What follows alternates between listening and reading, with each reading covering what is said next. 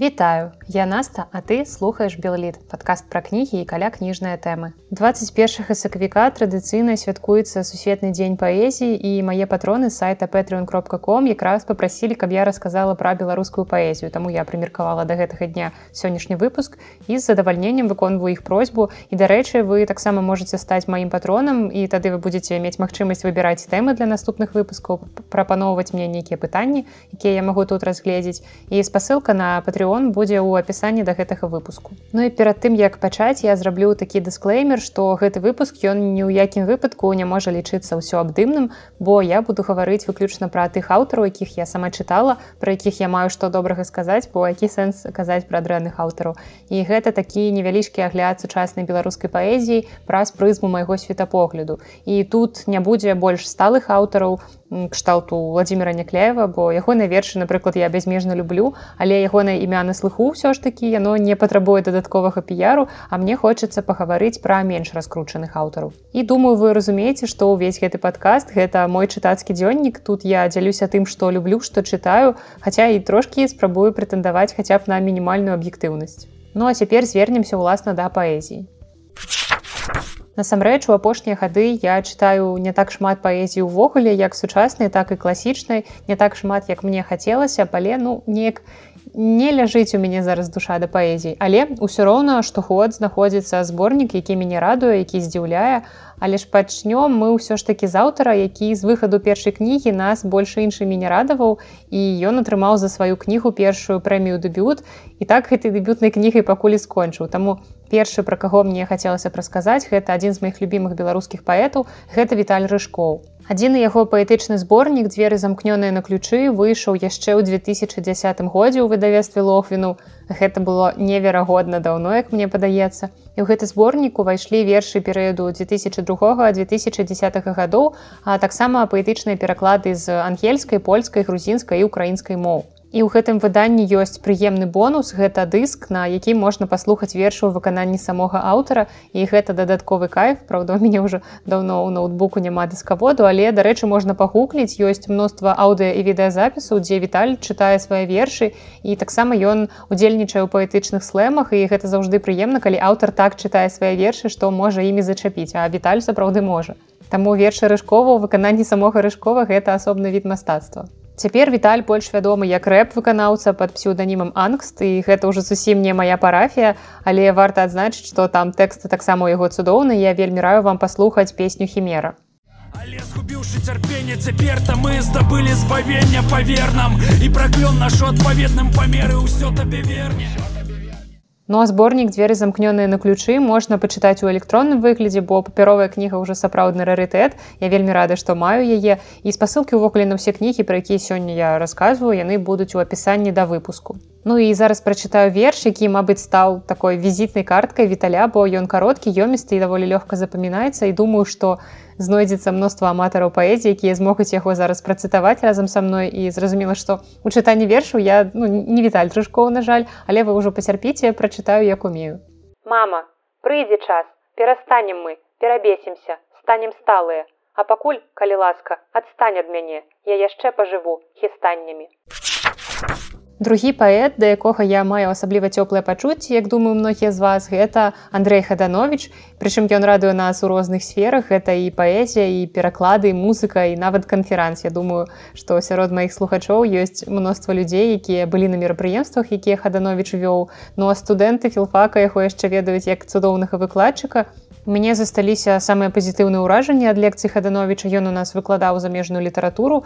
Бо гэта заўжды прыемна калі выкладчык любіць свае прадметы і умее гэтую любоў перадаць студэнтам. І на наших парах ён ніколі не занураўся ў свае паперкі. Ён чытаў лекцыі вельмі разняволена цытаваў аўтар у сваіх перакладах. І менавіта пасля яго чытання ён прачытаў верш крумкач я полюбіла творчасці ад гарапо і стаў лайк калі таксама маеш у залікоўца аўтографа ад Андрея валерьевича А выбраць адзін зборнік хадановича для выпуску было даволі непроста, бо кожны з іх непаўторны і напрыклад моя уласна любоў таго творчасці пачалася з кнігі несіметрычныя сны, якая выйшла ў выдавестве локвіна ў 2010 годзе. Яна выйшла дарэчы у той жа серыі, што і папярэдняя кніга рыжкова там таксама быў дыск і гэта таксама асалода вялікая слухаць вершы ў выкананні хадановіча бо гэта вельмі жыццёвая вельмі дасціпная паэзія і ён класна чытае свае вершы. І калі вы ведаеце легендарны верш хадановіча пра беларускага мужчыну то ён з гэтага зборніка. І папяровую версію кнігі таксама ўжо знайсці немагчыма але ёсць электронная. І праілюстраваць гэты зборнік я хачу двумя вершамі і гэтыя вершы яны будуць вельмі актуальнымі ў наш час. Вы зразумееце чаму калі іх пачуеце. Я дадам толькі што вось адзін з вершаў быў напісаны 20 сакавіка 2006 года. Калі ад таленавінаў снег выпадае ў асадак хоць мала хто сумняваўся ў прагнозах на гэты конт. Калі метрапалітэн працуе без перасадак а нехта па тэлевізары ратуе уласны азадак з экрана ля дому з надпісам гарызонт калі шмат тысяч мабільнікаў разам лічаць гадзіны тым болей ад іх на плошчы ніякай іншай карысці. Стаяць і чакаць свабоды бо выбар цяпер адзіны у вялікім і бардза пажондным хто б там не трындзеў таварыстве. А будь на тры пары шкарпетак цяплейшыя боты на злосць холоднай вайне і атмасфернаму фронту. Бо выбар цяпер адзіны стаяць і чакаць свабоды ад лесвіцы ў стылі ампір да самага гарызонту. І другі верш под назвай 5 дзён быў напісаны 24 сакавіка 2006 года 5 дзён. Ад рана да рана твой горад дыхаў запаскаю. Твой горад горад тырана вучыў албанскую. Ля гуму ужываюць гуму будуюць жывы рэдут. А горад твой горад падумаў учэнья ідут? Мільёны дулю кішэні з мільёнаў вуснуў не гуку так гэта былі вучэнні. Падзякуй ім за навуку. Навуку вымавіць годзе. Навуку выгукнуць хопіць твой горад горад у горадзе якога ніхто не захопіць крышачку разбавім гэтую мужчынскую кампанію наступнай гераіне сённяшняга выпуску. Гэта наста кудасава.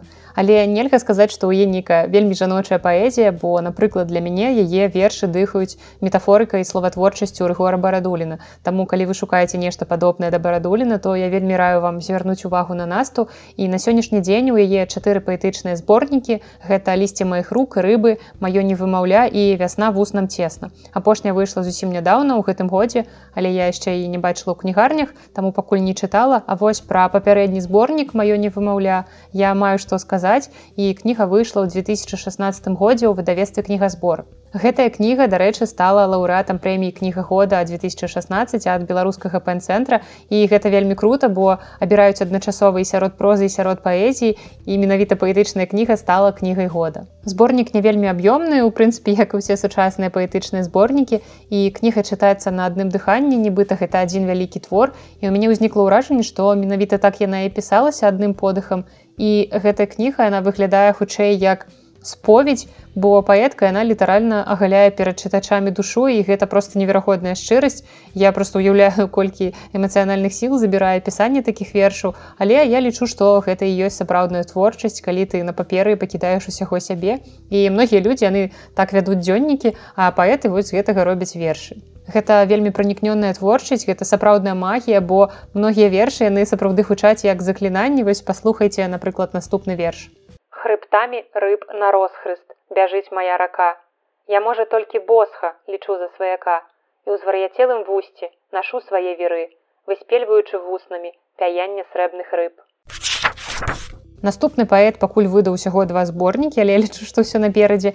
І абодва гэтыя зборнікі для мяне сталі ў тыя гады калены выйшлі просто найлепшымі. І гэта міхал барановскі ягоныя кнігі волюмен 1 і волюмен 2 Дэбютная кніга выйшла ў медысонце ў 2016 годзе і была ўганараваная прэміяй дэбют, а другая выйшла летась і стала найлепшай паэтычнай кнігай паводле галасавання экспертаў радыёвабода. Я там таксама прымала ўдзел, паставіла міхала на першае месца і кніга перамагла. Гэта вельмі класна. І абедзве кніжачкі яны зусім тоненькія, але яны сэнсавыя эмацыянальна вельмі моцныя. І калі творы кудасавыя мне нагадвалі барадуліна, то, у бараноўскага такая міфалагічна біблейская вобразнасць што вельмі набліжае яго да анатоля сыса якога я бязмежна люблю таму ясна што творчасць бараноўскага мне просто не магла не спадабацца. І дарэчы на саундклауд вы можете знайсці аўдыаверсію першай кнігі і вершы міхала ў яго выкананні таксама неверагодна прыемна слухаць. І дарэчы я заўважыла што ў нас многія паэты яны вельмі класна выступаюць яны маюць такія прыемныя галасы і вельмі круто чытаюць свае вершы. І я думаю што і гэта ўсё звязана. Калі чалавек таленавіты ён будзе таленавіты ва ўсім. І дарэчы калі я чытаю вершы міхала сама то ў галаве яны ўсё роўна гучаць ягоным голасам як і многіх іншых аўтараў. А калі вы цікавіцеся беларускай музыкай то маглі чуць песні міхала на вершы караткевіча гэта гурт нельга забыць А калі не чулі то настойліва вам раю паслухаць іх можна знайсці ў інтэрнэце. Гэта выдатна і калі вы яшчэ актыўны ўдзельнік сталічнага музейнага жыцця, то можете ведаць, што міхал яшчэ і загадчык літаратурнага музея Масіма Богдановича. Ну і праілюструю я ягоную творчасць вершам з першага зборніка, які вы можете таксама знайсці ў музычным выкананні гурта нельга забыць. Без аніякай розніцы пнём аб саву цесавой аб пень. Раптам разумееш, што ўжо безнадзейна позна, нешта сіпець. Я тупею бухну, нібы кавун, на ніве адраджэння. Цвіль плыве пенай па вуліцах, нібы ў прыбіральню кінулі пачак дражджэй. Я не магу быць упэўнены ні ў будучыні ні ў мінулым. Мора закалыхвае карабель на вальніцы чым меней у нас атрымліваецца тым болей пыхі. Нашы думы і мова умоўныя усё спрабуем двойчы пераправіцца праз янзы. У роце ледзь ледзь варочаецца. Матчын язык. Жывое прагне жывога. Але пакуль вагітная айчына кавалкам шкла разрывае сабе ў лонне мы ў яе палоне. Мы ў яе палоне і птушки мусяць ляцець на поўдзень па белой крыві разганяючы ртуть але я застаюся я застаюся тут.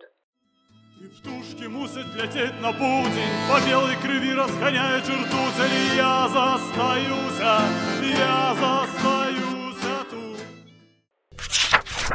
яшчэ одна паэтка ў гэтым спісе гэта ольга гапеева. І дарэчы летась яна адкрылася для мяне яшчэ як цудоўны празаік. Яе аўтабіяграфічная кніга кэмл travel стала адной з найлепшых якія я чытала ў 2020 і таксама ольга піша яшчэ і кнігі для дзетак. Вельмі люблю яе кнігу сумны суп але ў першую чаргу ольга дарослая сур'ёзная паэтка. І у яе мноства вершаў са зразумелым феміністычным пасылам што жанчыне не трэба быць слабой але варта быць упэўненай у сабе не трэба быць лялькай у прыгожай сукенцы а трэба быць асобай. Вось напрыклад гэта ўсё вы знойдзеце ў зборніку граматыка снегу А ў зборніку чорныя макі ольга проста чароўная чароўная ў тым як яна спалучае словы як гуляецца з вобразамі.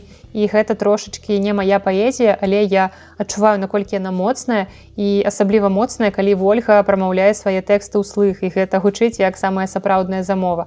Але ж у кнізе чорныя макі ўсяго толькі 44 старонкі вы толькі туды нырнулі а вас ужо выцягваюць на бераг абціраюць ручніком і апошні на дадзены момант зборнік ольгі словы якія са мной адбыліся ён таксама танюткі вельмі крохкі і тут таксама шмат пра ўспрыманне сябе пра прыняцце сябе пра тое як жыць згодна са сваімі жаданнямі а не чужымі. І гэта нават не столькі пра фемінізм колькі пра гуманізм у адносінах да сябе бо мужчыны яны также могуць прыкласці гэтай вершы да сябе калі гэтае пытанне ім увогуле блізка але іншая справа што хвалюе яно мужчын не так часта і больш падрабязна пра гэты зборнік я рассказывала ў 13 выпуску подкаста. Дарэчы усе пералічаныя кнігі ольгі выходзілі ў выдавестве галіяфы Ну і наступны цэлы верш пра тое як быць нязручнай я складала сябе у поперак і ўздоўж хацела кампактнай быць змяшчацца ў валіску каб не ствараць ніякіх турбот, не выклікаць раздражнення, быць зручнай і радаваць вока, але колькі я не складала сябе у поперак і ўздоўж, нешта заўсёды выпіналася, левая нага, валоссе ці думкі. Вы занадта нязручная, на мытні могуць узнікнуць пытанні.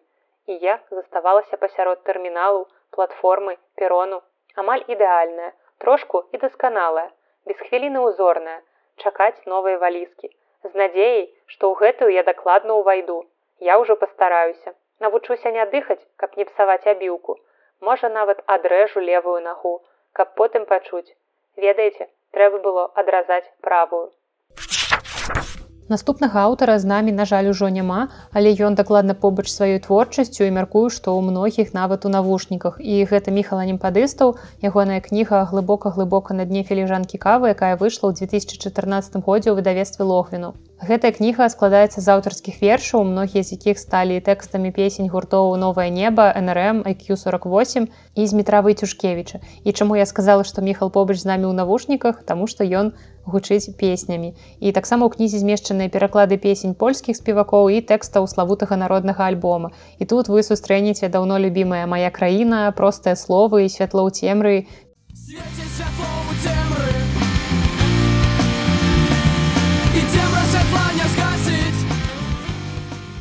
І міхал увогуле вельмі шмат рабіў для беларускай культуры не толькі ў паэзіі таксама ён быў дызайнерам мастаком. І зараз існуе прэмія міхала немпадыстава за найлепшую кніжную вокладку. А калі чытаеш некаторыя вершы міхала то вельмі прыемна іх у думках спяваць.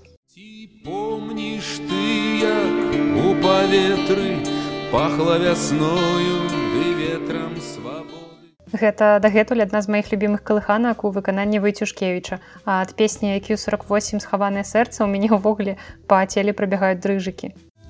Вік заб'е сакавік на зімовыя смуткі аўтазак адвязе ад марозкаў на суткі за Маё знаёмства з творчасцю аніпадыстава адбылося яшчэ годзе ў 2006, як мне здаецца, калі я для школы шукала калядны верш і тады знайшла мы чакаем калядаў. І гэта было для 13гадовай дзяўчынкі вельмі нечаканае адкрыццё, бо верш аказаўся вельмі сугучным з маім настроем. І ўжо потым я адкрывала для сябе творчасць міхала праць беларускую музыку і заўжды жартавала, што гэты чалавек прозвішча якога адкладана запомніць, а песні немагчыма забыць. Ну і працытую якраз гэты верш пра каляды. Мы чакалі калядаў з маленства і ніяк не маглі дачакацца. Тату трэба было на работу, маці трэба было на працу. А гагарин ляцеў на ракете панад нашым дваром ды садам. Мы глядзелі ўслед са здзіўленнем і міжволі чакалі каляду. Мы ўвосень падпальвалі лісце. Мы ўзімку хварэлі на гланды і прыклаўшы далоні да вуснаў, у цямрэчы чакалі калядаў. Мы пісалі ў школе дыктоўкі, нас вадзілі глядзець на парады. Прафсаюз выдаваў карамелькі, мы бралі і чакалі каляду. Нам даводзілі, хто мы і што мы. Нас вучылі выконваць загады. Нам казалі, ды мы не чулі, мы ў потай чакалі калядаў. Мы рабілі высновы хутка, мы павольна спявалі балады. Мы на злосць валасы расцілі і ўпарта чакалі калядаў. Што з таго, што ўсё гэта знікла, быццам бурбалкі ад ліманаду. Засталіся сям'і і дзеткі, засталося чаканне калядаў. Засталіся сябры ды праца, а адзін дык вапшчэ ў канадзе. Мы на святы дашлем паштоўку, будзем разам чакаць калядаў. Позна ўвечары посуд памыем і пакінем, каб сохнуў на тацы. Мы чакаем каляды з маленства і не можам ніяк дачакацца. Ізноў чаргую імёны паэтаў і паэтак і таму наступная гераіня сённяшняга выпуску гэта Марыя Мартысевіч. Яна, як і папярэдні герой, проста чалавек аркестр. І яна і паэтка і перакладчыца і культурная дзяячка, яшчэ і прозу піша і дзяцей гадуе. І Марыя сапраўды робіць для беларускай літаратуры шмат і я ёй шчыра захапляюся. У Марыі выйшла некалькі паэтычных зборнікаў. Зборнік амбасада, напрыклад, яе вершамі перакладамі ён выйшаў у 2011 годзе ў кнігазборы і таксама зборнік цмокі лятуюць на нераст з падзагалоўкам эсэ ў вершах і прозе і кніга выйшла ў 2008 годзе ў выдавестве лохвіну і апошні паэтычны зборнік марыі сарматыя выйшаў у 2018 годзе ў выдавестве янушкевич і менавіта за гэтую кнігу марыя атрымала прэміі кніга года і паэтычную прэмію імя Наталлі арсенневай тут зноў кнізе года паэзія перамагла прозу. І мабыць не трэба доўга тлумачыць якую вялікую міфалагічную ролю адыгрывае для беларуса паняцце сарматызм бо ці то праўда ці то міф але шляхта вКл сапраўды лічыла сябе нашчадкамі сарматаў і ў кнізе марыя удала абыгрывае гэтае паняцце. Яе гераіня алаіза піша 30 вершаваных лістоў у якіх не выбірае выразы. Яна апісвае сармацкія звычаі і прызнаецца ў каханні да аднаго сармата. Мне вельмі спадабаўся хульганскі стыль марыі дзе яна рыфмуе беларускія ангельскія словы удала працуе з гукапісам і нават некаторыя нецэнзурныя выразы якія сустракаюцца ў вершах гучаць тут вельмі натуральна. Яны дадаюць вершам жывасці і сапраўднасць і кніга таксама аздобленая ілюстрацыямі юліі рудзіцкай і гэта сапраўды вельмі стылёва. У пачатку канцы кнігі ёсць паштоўкі спецыяльна іх можна акуратна па перфарацыі адарваць і выкарыстаць па прамым прызначэнні каму-небудзь даслаць. І кніга яшчэ прадаецца таму хуценька бяжыце ў апісанні там ёсць спасылка дзе яе можна купіць на сайце выдавецтва там самая нізкая цана. А творчасць марыі я праілюструю мабыць адным з самых вядомых яе вершаў які называецца нарадзі прэзідэнта Ты кажаш, голкай цэнзуры зашыты твой род, і ванітоў нічым сёння ўжо не будзе, А па мне ўсё ў тваіх руках, пакладзеных на жывот. Нарадзі прэзідэнта, якога хочаш, сабе і людзям. Ты кажаш, народы мова заняпалі дашчэнту. Дык зачым затрымка, нарадзі прэзідэнта. Скажы сабе, як спадарыні лінкальн і кеннедзі і нарадзі. І ён вырасце і зможа ўсё зло на свеце змагчы. Папа рымскі будзе сядзець для яго злева, голуб міру будзе сядзець у яго на плячы, аля ног яго брытанская каралева. Бо вы малайцом мамаша ўсё зрабілі, як трэба, і цяпер усё будзе імам айца і сына. І арол дэмакратыі будзе лунаць над тваёй краінай, хоць магчыма, там будзе банальна мірнае неба. І ты прычына таго, што здохла нешта вялікае ў лесе, прымаючы ў пасляродавым журналістаў маленькімі групкамі. Адмовішся ад вілу ўніцы і на радасць кансерватыўнай прэсе, аддасі перавагу хутары недзе пад крупкамі. Ты пасадзіш ля хаты півоні, флоксы і мак. Ён штурхаецца ножкай, гэта хорошы знак. Адчуваеш, ва ўлон не віруе плацэнта. Нарадзі прэзідэнта. Наступны аўтар таксама вядомы сваёй хуліганскай творчасцю незвычайнай і разам з тым ён даволі сур'ёзны даследчык літаратуры і гэта Віктор жыбуль і зборнікаў паэзіі ў яго шмат. Я раскажу пра свой любімы, які называецца стапелі, які выйшаў у 2012 годзе ў выдавестве галіяфы. Для тых, хто не ведае стапелі гэта такія неверагодна смярдзючыя кветкі, яны здаецца выглядаюць ну звычайна як кветкі, але пахнуць яны, нібыта там нехта памёр. І я памятаю нейк у сваёй кватэры адчула непрыемны пах. Я сидзела за рабочым сталом, які ў мяне побач з акном і адчувала, што пахне нібыта коцікі ў мяне ў пакоі памерлі. Я хадзіла і прынюхвалася і не магла зразумець, адкуль гэты пах, можа кудысьці заваліўся кавалак ежы, які недзе ляжыць і смярдзіць. А потым я падышла бліжэй да кветак, якія стаялі на падаконніку і зразумела, што пахне менавіта ад іх. Потым я спытала ў маці, і аказалася што гэта ёсць вось тыя самыя стапелі якія пахнуць гніллём яны мабыць для таго каб прыцягваць мух я не батанік не, не вельмі ў гэтым разбіраюся але тады я попрасила каб маці пераставіла да сябе ў пакой калі так падабаецца гэтая кветка няхай яна яе нюхае і ўжо шмат гадоў я не адчувала гэтых і паху неверагоднага. Ну вось зборнік Віктора жыбуля называется стапелей і гэта вельмі сучасная дынамічная паэзія хаця некаторыя вершы ў кнізе датуюцца далёкім 1995 годам. І тут мноства нетрывіяльных вынаходак аўтара ягоная паэзія вельмі багатая на ўзоры моцнай яркай фантазіі і раю чытаць людзям, якія не супраць якасных эксперыментаў з паэзіяй. І вось такі верш вам для прыкладу. Маё жыццё рулон прыбіральнай паперы. Здавалася б, доўгае, роўнае, чыстае, але нехта перыядычна адрывае ад яго кавалкі, смачна падціраецца і бесцырымонна выкідвае іх у сметніцу нябыту.